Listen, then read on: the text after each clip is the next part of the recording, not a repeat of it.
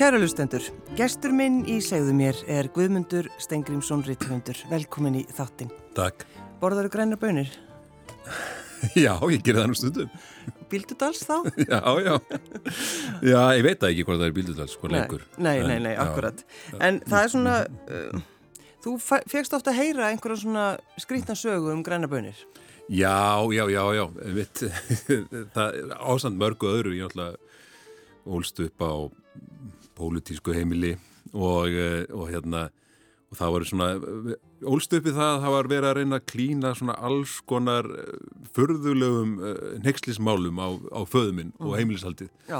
Þannig að eitt af því, já, já, grænuböynamálið, svo kallaða, sem var nú henni hérna í, í gamla daga og, og snýrist um það að að fært vittlust í bókald á, á rannsóndaráðið sem pappi vann og, og hérna, græna böni færðar sem eitthvað er snitt á bíl og þetta var eitthvað sem ég var, tók mitt 40 ára að skilja en í uppvexti mínum átti ég alltaf að heyra ykkur hásklóðsur um græna bönir þá kan til að ég einhvern tíman spurði pappa bara út í þetta hvað, um hvað snerist þetta? Og þá var það náttúrulega bara einhvern einhvern smáadriði sko. Mm. en þetta einkendi svolítið minn mína benskuðu og minn uppvöxt að það var alls konar svona sko að hérna, já, grænubaunamáli var eitt og maður botnaði ekkert í þessu.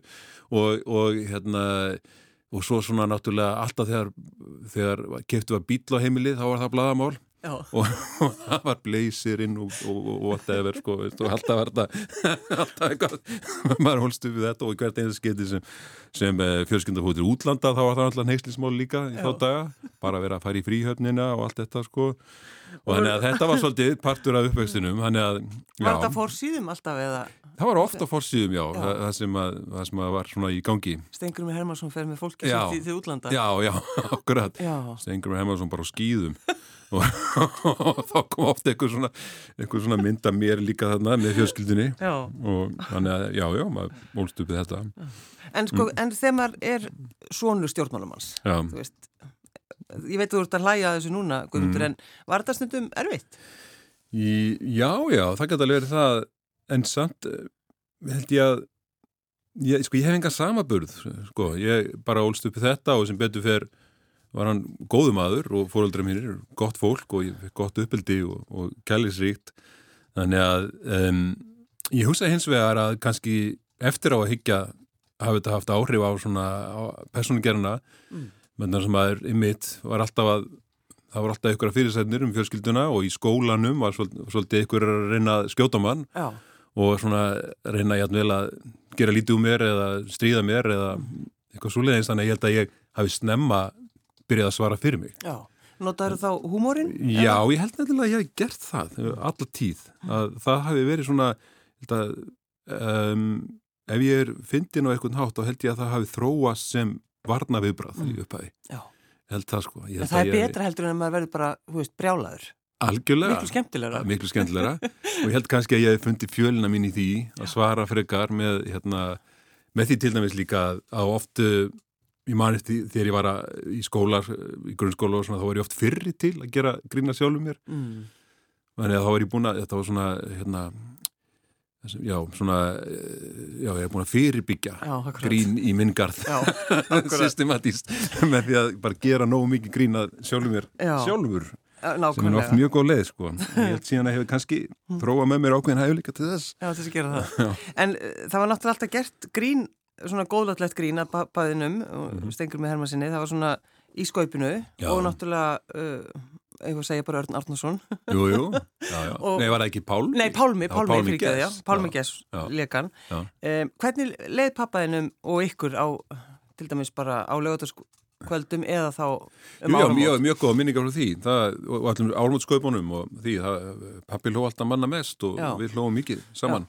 Og því öllu saman og hérna þessir, þessir, þessir lekan Pálmi, Jóhannes Kristjánsson alltaf var alltaf alveg rosalegt að vera að vitna því þegar hann steg fram mm -hmm. uh, bara kom, kom út sem Stengrum Hermansson eftir að hafa allir stöp á vestfjörðum og séð pappa koma þar í, koma þar í heimsóknir náttúrulega kjör, veitna, í kostningabarótu og svona og hann búin að, að stúdera allt í fari föðumins og Já. ná þessu öllu saman meira segja sko undirskriftinni öllu þannig að hann, það var náttúrulega hryllilega að fyndið Þannig að, vist, og það er náttúrulega dæmum það, Jóhannes hefur náttúrulega bara gert stjórnmálumenn fyndna, en þeir hafa síðan farað hermöttur honum, hermöttur sér, jú, jú. eins og Guðni.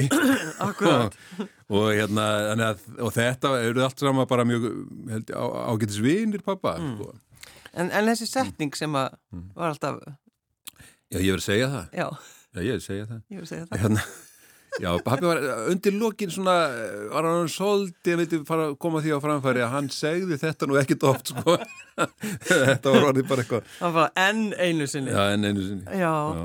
En, en það er sko þetta, Guðmundur Stengursson, þú fer mm. náttúrulega út í pólitíkina, við ætlum að tala um það, mm -hmm. en uh, þú hefur líka í mitt náð að fara, að vera gert grína þér í stöfnum. Jú, jú, ég, tvísvar Innilega til hamingu. Já, þakkaði fyrir og þú varst í sköpun sem leiðis. Já, þakkaði fyrir.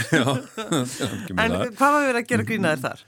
Jú, ég var með sjónvasátt uh, 2005 þá var ég, ég var uh, með kvöldþátt á Sirkus það var svona vitalsáttur með sofa og svona og, og, og gríni uppafi og það var Björgvið Frans sem legg mig þá og þá var ég, ég það einkendi mig sem sjónvasmanna, ég var mjög mikið á yði og e, svona með, með hendur handapatt út í loftið og svona og, og, og Björgvið Frans náði þessu mjög vel og var skemmtilegt og þá hlóðum mikið oh. og se, í senarskipti var e, ég held að hefði hitt, var Guðmundur Ingi leikari og var hann svona að, að, hérna, keirum landi í húsbíl og var, held að það hefði kallað Gwendur og Flandrið eitthvað svona eins og það var alltaf verið að gera grínað að mínu flokkaflakki í pólitík, ég var náttúrulega í þremur flokkum oh. Þannig að það var bara ágætilega gert og skemmtilegt. Það var ekki, var ekki andra flandri heldur, gvendur á já, flandri. Já, eitthvað svo leiðis, ég minni það. Já.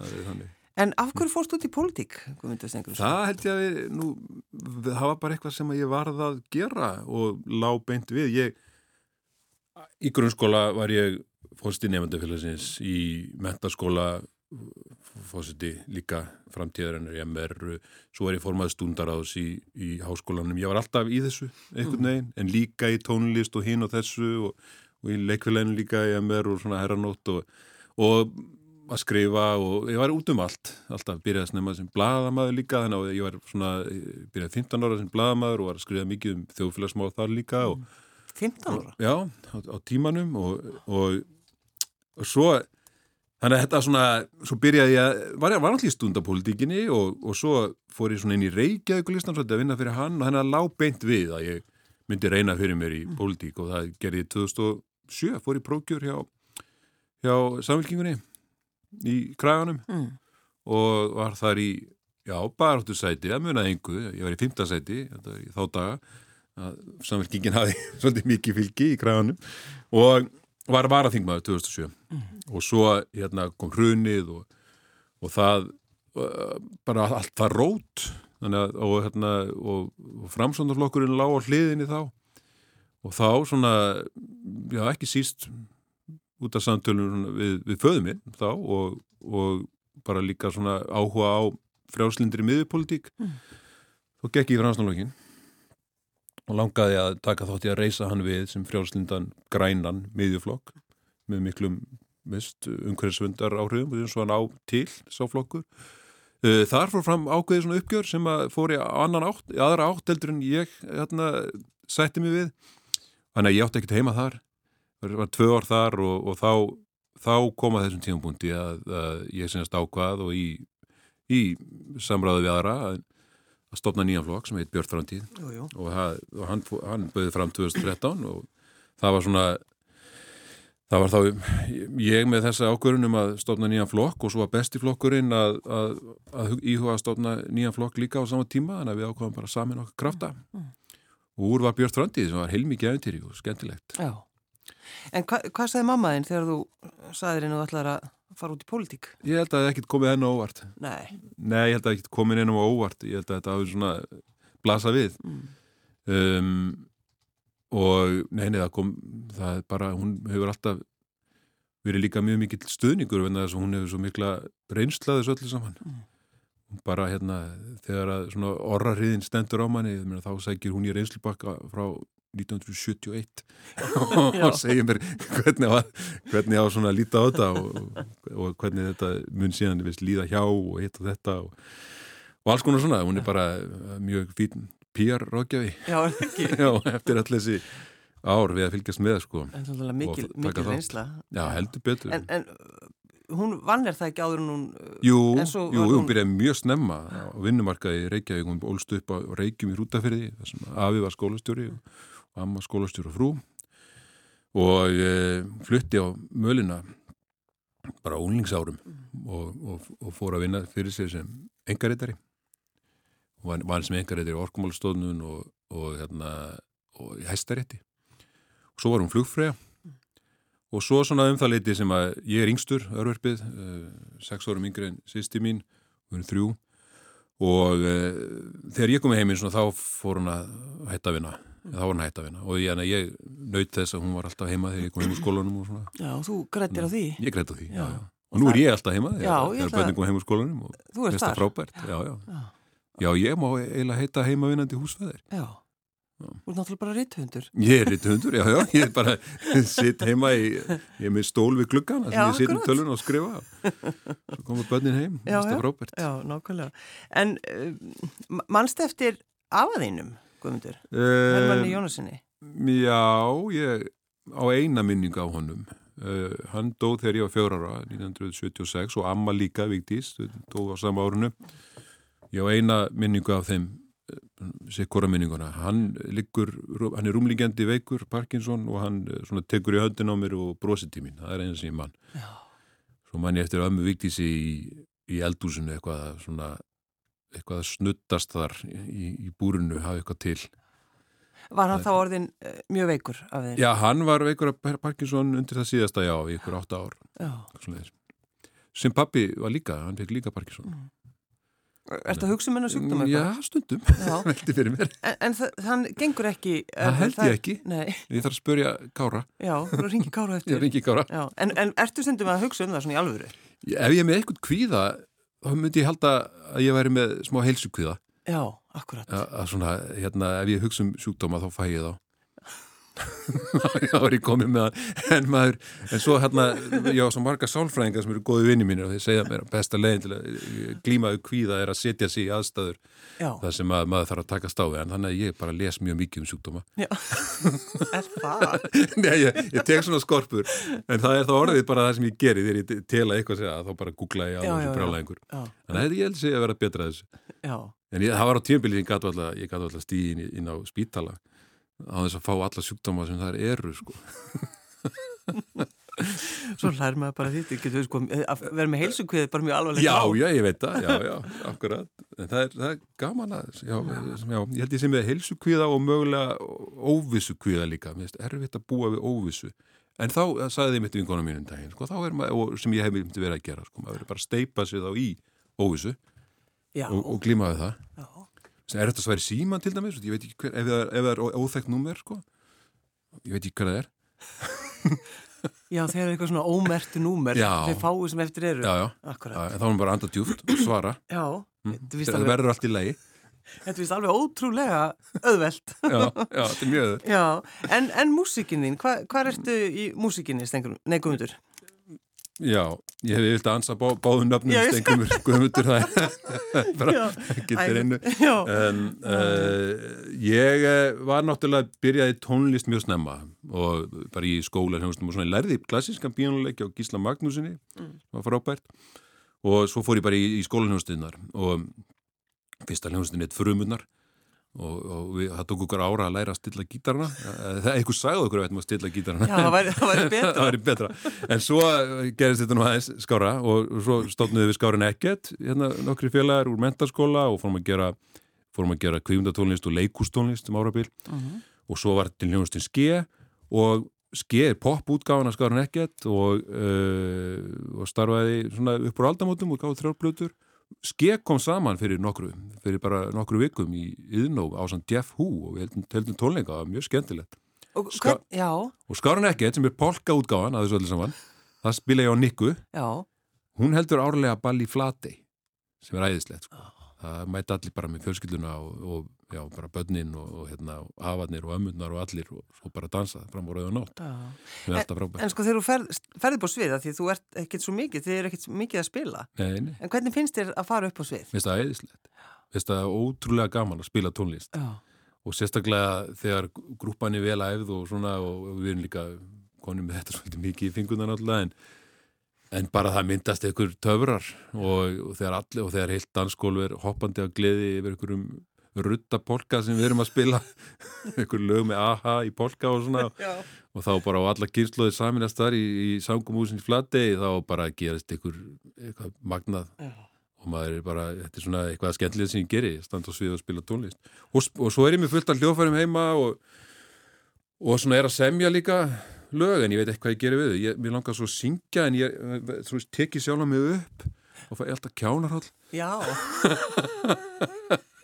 en ég er ennþá þar. Þarf að, þarf eiginlega að fá einhverja fá einhverja leðsögn í því hvernig, hvernig maður á að syngja sko. Já. ég sé, heyr alltaf röddina fyrir mér mér finnst hún vera svo flott sko. Já. svo hlusta ég á hana, er hún ekki flott? var bara nei, Nei, þetta er ekki að þetta gerast. þetta er ekki alveg nógu gott að ég þarf að vinna í því en mér finnst lögin alveg ágætt sem Já. ég er búin að semja Stöð fín sko, ég þarf að landa þeim einhvern veginn En það er svolítið fyndið, Guðmundur, ég spurði ef við ekki spila eitthvað lag í lokin, þú mátt velja það og þú valdir ekki, þú valdir ekki skeið, þú, þú valdir eitthvað allt annað sem við heyrum eftir. já, já, já, já, akkurat, já, já, nei, nei er ekkert að tróða Nei, ég vil ekkert vera að vota mér á framfæri það vera aðrir að spila mig. Jú, jú, fólk geti haldið að vera montin. Já, akkurat.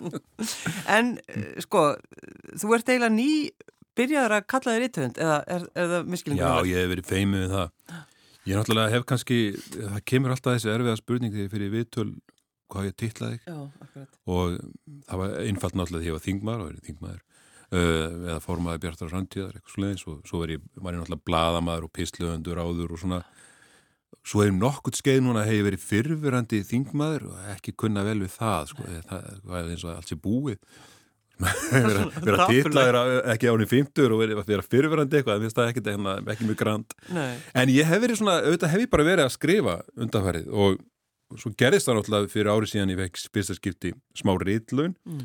Og þá gæti ég sest niður og, og, og klára mína þriðju bók. Ég gáði mína fyrstu bók 2003 sem heit Áhrif mín á mannkinn og uh, svo var ég alltaf með handrit sem ég hafði klárað 2004-2006 sem fór á þing og hafði láð þarna og það heit Heimsendir og hún kom út uh, núna, var það ekki 2018 held ég Þannig ég náði að koma henni út og svona koma mér aftur á, ég ætlaði rauninni alltaf að vera rítuhundur. Bara þegar þú varst ungu drengur. Já, eða svona upp úr, þess að ég var í háskóli fyrir íslensku heimsbyggi og ég hef alltaf borið alveg gríðalega virðingu fyrir rítuhundum og svona langað að vinna við þetta, að skrifa bækur og bara vinna við texta. Já. Og svo hef ég bara undanvöndum árum verið að átta mig á því að það er rauninni bara það sem ég er búin að vera að gera.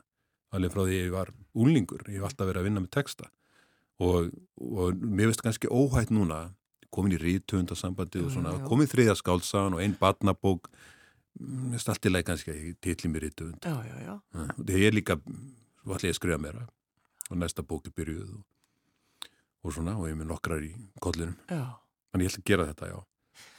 Þannig að þú ert búin að ákveða þig loksins hvað Loksins, já, verða. 49 ára gamall. Ég er búin að ákvæða hvað ég ætla að verða. Ég er stór. En þú, Svo veit maður ekkert hvað gerist náttúrulega, en ég, ég, ég skrif alltaf, það er bara þannig, ég veit ekkert, þetta er eiginlega na- sumt part eins og konar sjálfskoðun. Svona leið til þess að finna hliðar á sjálfum mér og svona og, og, hérna, og tjá mig. þú varst nú með pislaði mitt hér lengi, Guðmundur, er það ekki? Jú, Já, ég var í okkur, písla, písla á viðsjá, viðsjá henni í Já, var hér í þættunum með Eiríki Guðmundssinni og Ævar í Kjartansinni og svo, svo held, heldur mínu píslar áfram alveg nokkur ár. Það var fælega skemmtilegt. Mm. Það var svona tíu mínúna píslar og ætlum að vera ekki með podcast núna þá. Jú, jú. ef maður- þessu. vinsætt. Já, feikilega vinsælt sko. En, en svo stopnar fyrirtæki sem heitir Hittir Já, annan mál. það er svona um, um bara þessa einirkjastar sem ég er náttúrulega í, í harkinu og var, og var í því áðurinn fór þing og þá stopnaði fyrir þetta ekki hittir annar mál Já, og uh, hittir annar mál það, það vekur alltaf smá það verður alltaf smá samræða þegar ég byggðum nótu já, sem er hlæja og Já. svona, það er skemmtilegt Já, já, við nótum það og hérna við, við hjónin okkar svona einirkja starfsemi, hún er leiðsögumæður líka stundum og svona. Já, En ég er rauninni fæst við, það er eiginlega tvent sem ég fæst við núna, það eru skrif á einhvern hátt. Ég skrifa við þýði, ég skrifa pistla á, á, í frettablaðið reglulega, uh, að, og svo svona einhver textafinna fyrir aðra og svo er ég skrifa í bækur og var að koma út einn bók núna sem heitir Fegurinn einn, skálsaga og og svo fór ég í nám líka. Og það er alltaf fulla að skrifa líka. Mm. uh, fór í umhverfis og öðlindafræði mestaranám og er að skrifa rítgerðina mínu þar. Þannig að ég sitt bara alltaf dag og, og skrifa. og, og hitt sem ég ger er smíða. Smíða? og skrif og smíða er mjög góð þarna, mjög gott saman. Mm. skrifa maður svona kannski fyrir luta dagsins og fæs út að smíða og hvað er þetta að smíða? Við keftum hús 2013 í Vesturbænum sem var svolítið í, í miðjum klíðum við að gera upp Já.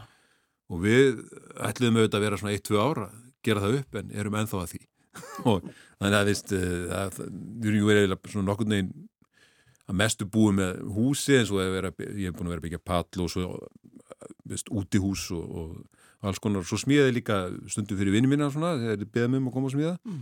En ég smíðaði heila helling. En byrju fórst, ertu lærður smiður? Nei, ég er ekki lærður smiður, en ég hef lært af smiðum. Með því að smíða með smiðum. Já. það er svolítið gott, sko. Mm. þannig að, þarna, og það er mjög gaman þannig að ég stundum svona verið í slagtói með ykkurum og hérna, og svo, hafa, svo hefur, hefur öryggið svona fæst í aukana. Mm. eins og í skrifunum finnst mér. Og þetta er svolítið samhangandi. Maður, maður kemur sér upp öryggi með því, að, með því að gera hluti. Og með smíðar og skrif svolítið svipað, maður byrjar á okkur um grunni og svona spýtu fyrir spýtu orð fyrir orð og verður eitthvað til og maður verður að sjá þetta fyrir sér maður verður að teikna þetta upp og svo svo gama þegar hluturinn orðin til bók eða hús.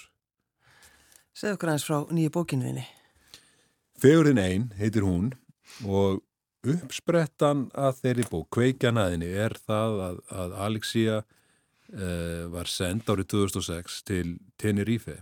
Hún vann við casting, eða svona, finna fólki auglýsingar og kveikmyndir. Þú ert að tala um konaðina? Já, Alexia. Mm. Alexia Björg Jóhannesdóttir.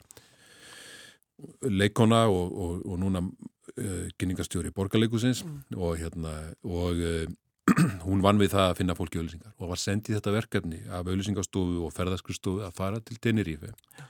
og finna fallegt fólk vennjulegt fallegt fólk átt að vera bara svona, svona ekki svona yfirdrifi fallegt bara vennjulegt fallegt fólk sem myndi hauða til vennjulegs fólks. Og hún var sendað þarna með smingu og ljósmyndara og fullt af efrum og, og, og, og samningum til þess að, að nálgast fólk. Og eftir viku kom senast í ljós að að í augum auðlýsingarskristofana var bara engin nógu fallur Það var engin nógu fallur? Nei, það var engin manneska sem uppfylgdi þessi skiliri þannig í lokin var bara, tók ljósmyndarinn bara mynd af ströndinni og svo var hérna fyrir fjöradrottning á Íslandi notuð í, á grínskrín bara hérna á auðlýsingarherferinn var, var bara með ykkur í Íslandi ykkur og hérna og þetta okkur þótti þetta alltaf svo fyndið og bara og þessi rosalega hugssjón að finna vennilegt fallit fólk og þetta er semast rammin utanum söguna bara þessi viðbörður en svo ger ég þetta allt annan hátt og, og hérna og personinnar eru algjör uppspunni í, í, í mínu meðförum og, og þetta verður semast saga sögð á sjónarhóli önnu sem er dansari og er að ljúka, hérna, ljúka síningum í, á, á fríði og dýrinu í einhverju leikursunni hér í bæ. Og prakt stendur á, á, á krosskutum í sínu lífi, í sínu engalífi og svona og hvað hann á að gera við sig og býðst þetta verkefni að fara til Tenerife og finna venjulegt fallet fólk í auðvisingu og hún náttúrulega stekkur á það tækifæri, fer þangað og, úrhest, og úrverður atbyrður ás mm. og hún byrja líka að spá í hvað er fallegt hvað er fegurð og, og, hérna, og verkefnið gengur á marganhátt bröðsulega og, og það hefur bara og hún gerir lista yfir hvað er fallegt og svona, þetta er sagt, sagt af sjónahóli hennar og annað sem ég finnst líka alltaf gaman að spá í er hvernig allt fer á annan veg og þetta, þessi atbyrður ás uppfyllir það. Mm. og mér finnst líka fyrstulega finnst mér, fannst mér gaman að skrifa bókina og ég skrifa hana semst af sjónarhóli önnu. Og mér fannst það mjög gefandi að velta fyrir, fyrir mig bara sem ég og höfundur hvað er fallegt á þessum tímum sem að það vil oft gleymast.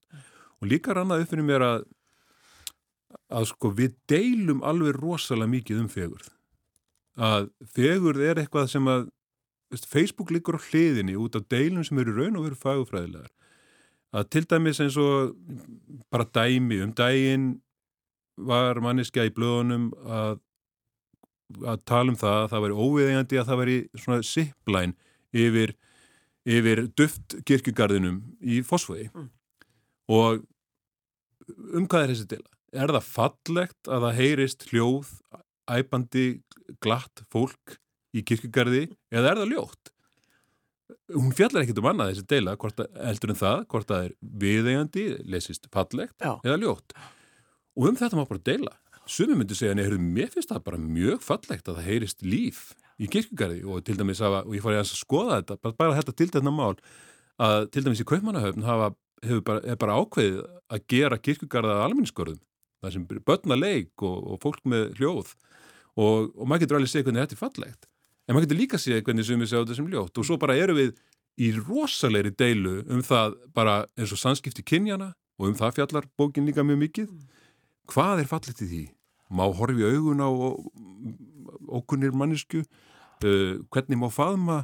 Uh, sumir komast upp með alveg alls konar hluti þessu og þykir bara fallegt og innilegt og aðrir eru í dómsmálum sko fyrir hæstarétti út í að þeir ströku óviðjandi raskin og, og þetta eru deilur um fegurð og, og við, við erum á rosalega uh, óljósum stað samfélagi, við vitum hérna ekkert og, og sitt sínist bara hverjum og svo allir þessi samfélagsmiðlar sem liggja oft á hliðinni út af því að einhverjum finnst eitthvað ógistlegt öðrum finnst það ekki.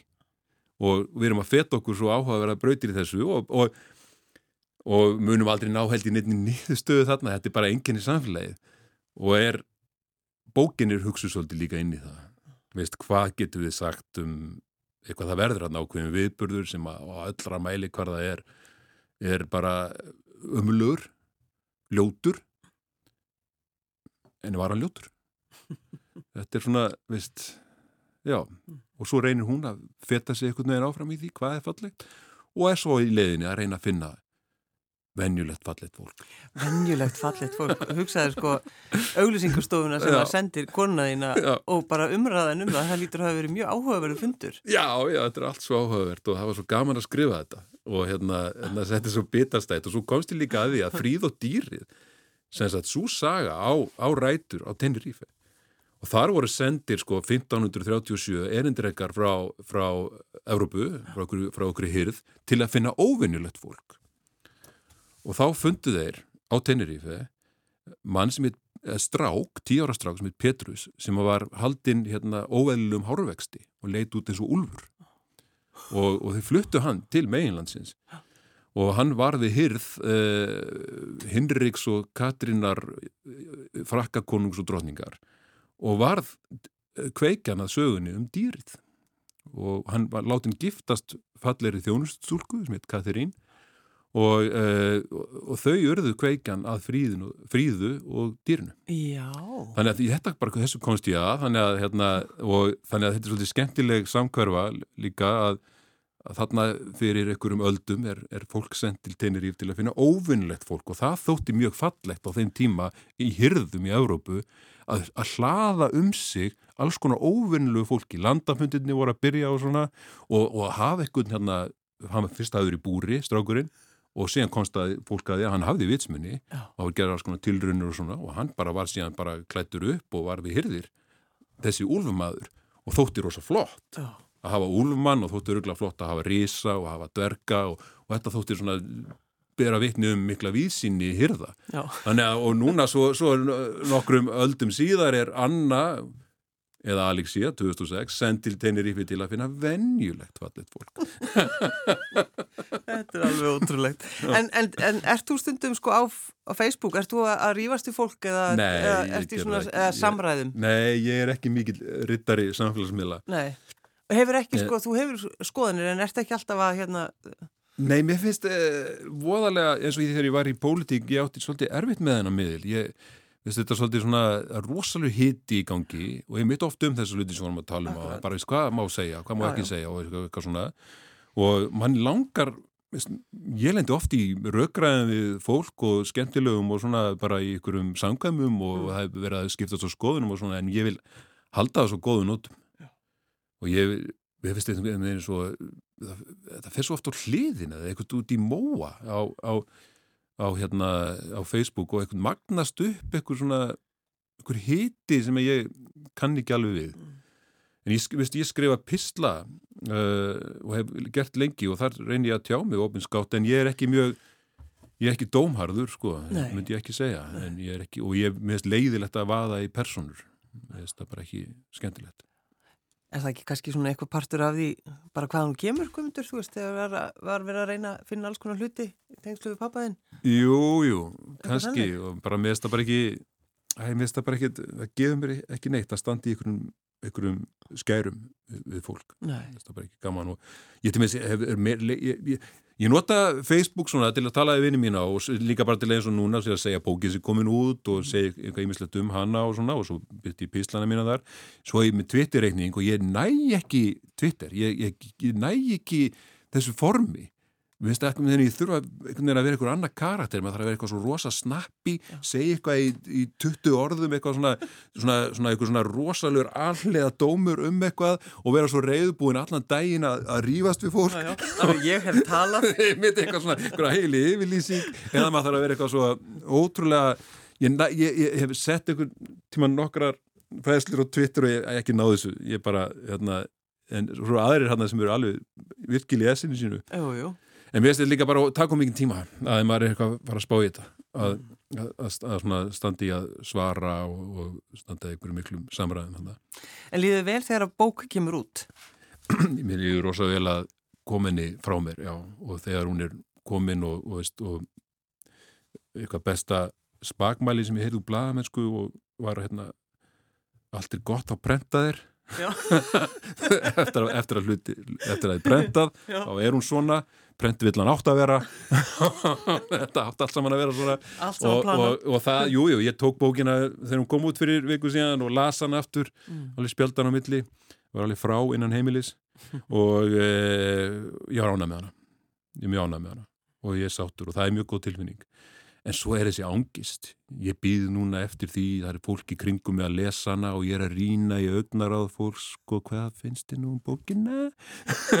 og ég er að býð eftir eitthvað segja eitthvað og svona, og, og, og svo alveg svona, veist, ég mjólka alveg það að ég fæ eitthvað svona, eitthvað smá hérna, eitthvað lýsingarorð. Og, og, og svona það má bara vera eitt. Já, bara eitt lýsingarorð. Góð bók, já, já, flott. Falleg. Já, nei, nei, en ég fekk mjög góð viðbröð á hana í lestri fyrir. Mm. áðurning á hana út og, og það veist mér gott. Ég, maður verður að passa sig að gera ekki þá kröfu að öllu mig að líka bókin. Sem betur fyrir marga bæku gefnar út og ef einhverjum líkar ekki við þessi, þessa bók þá er fullt á öðrum bókum. Þannig að, veist, aðalættir er að bókin rati til lesenda sinna þeirra sem vilja þessa bók. Og ég, já, ég trú á því hún gerir það. Guðmundur Stengrinsson Reykjavíður, takk fyrir að koma. Takk fyrir, var gaman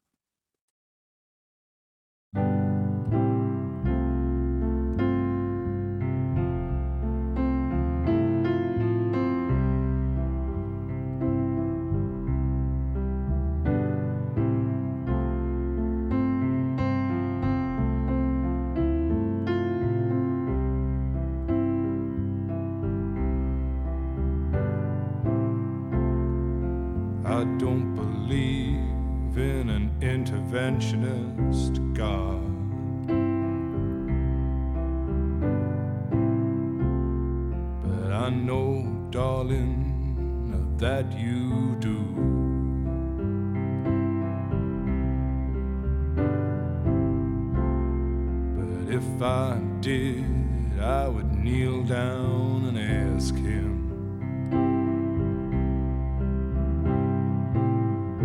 not to intervene when it came to you.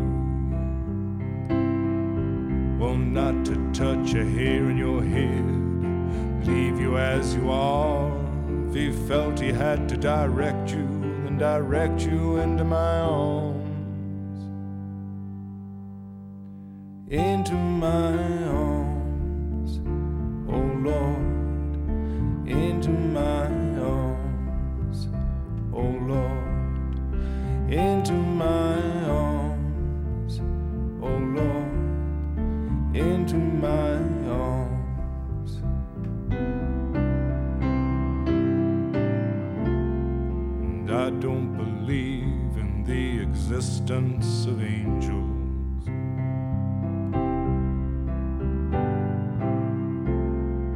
looking at you, I wonder if that's true.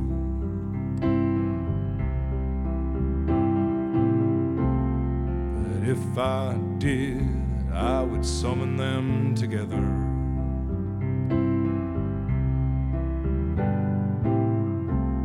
and Ask them to watch over you. To each burn a candle for you to make bright and clear your path and to walk like Christ in grace and love and guide you into my arms.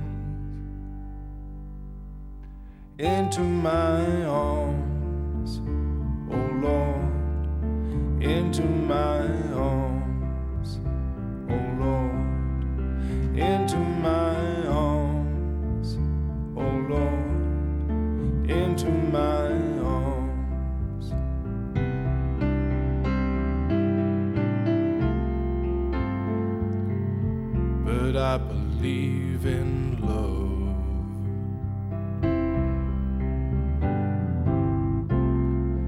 I know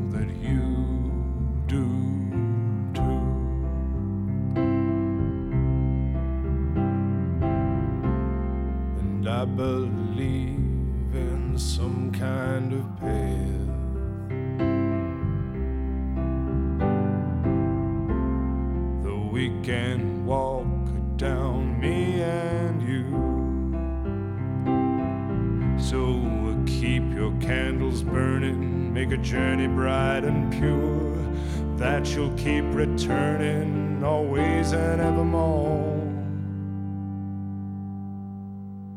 Into my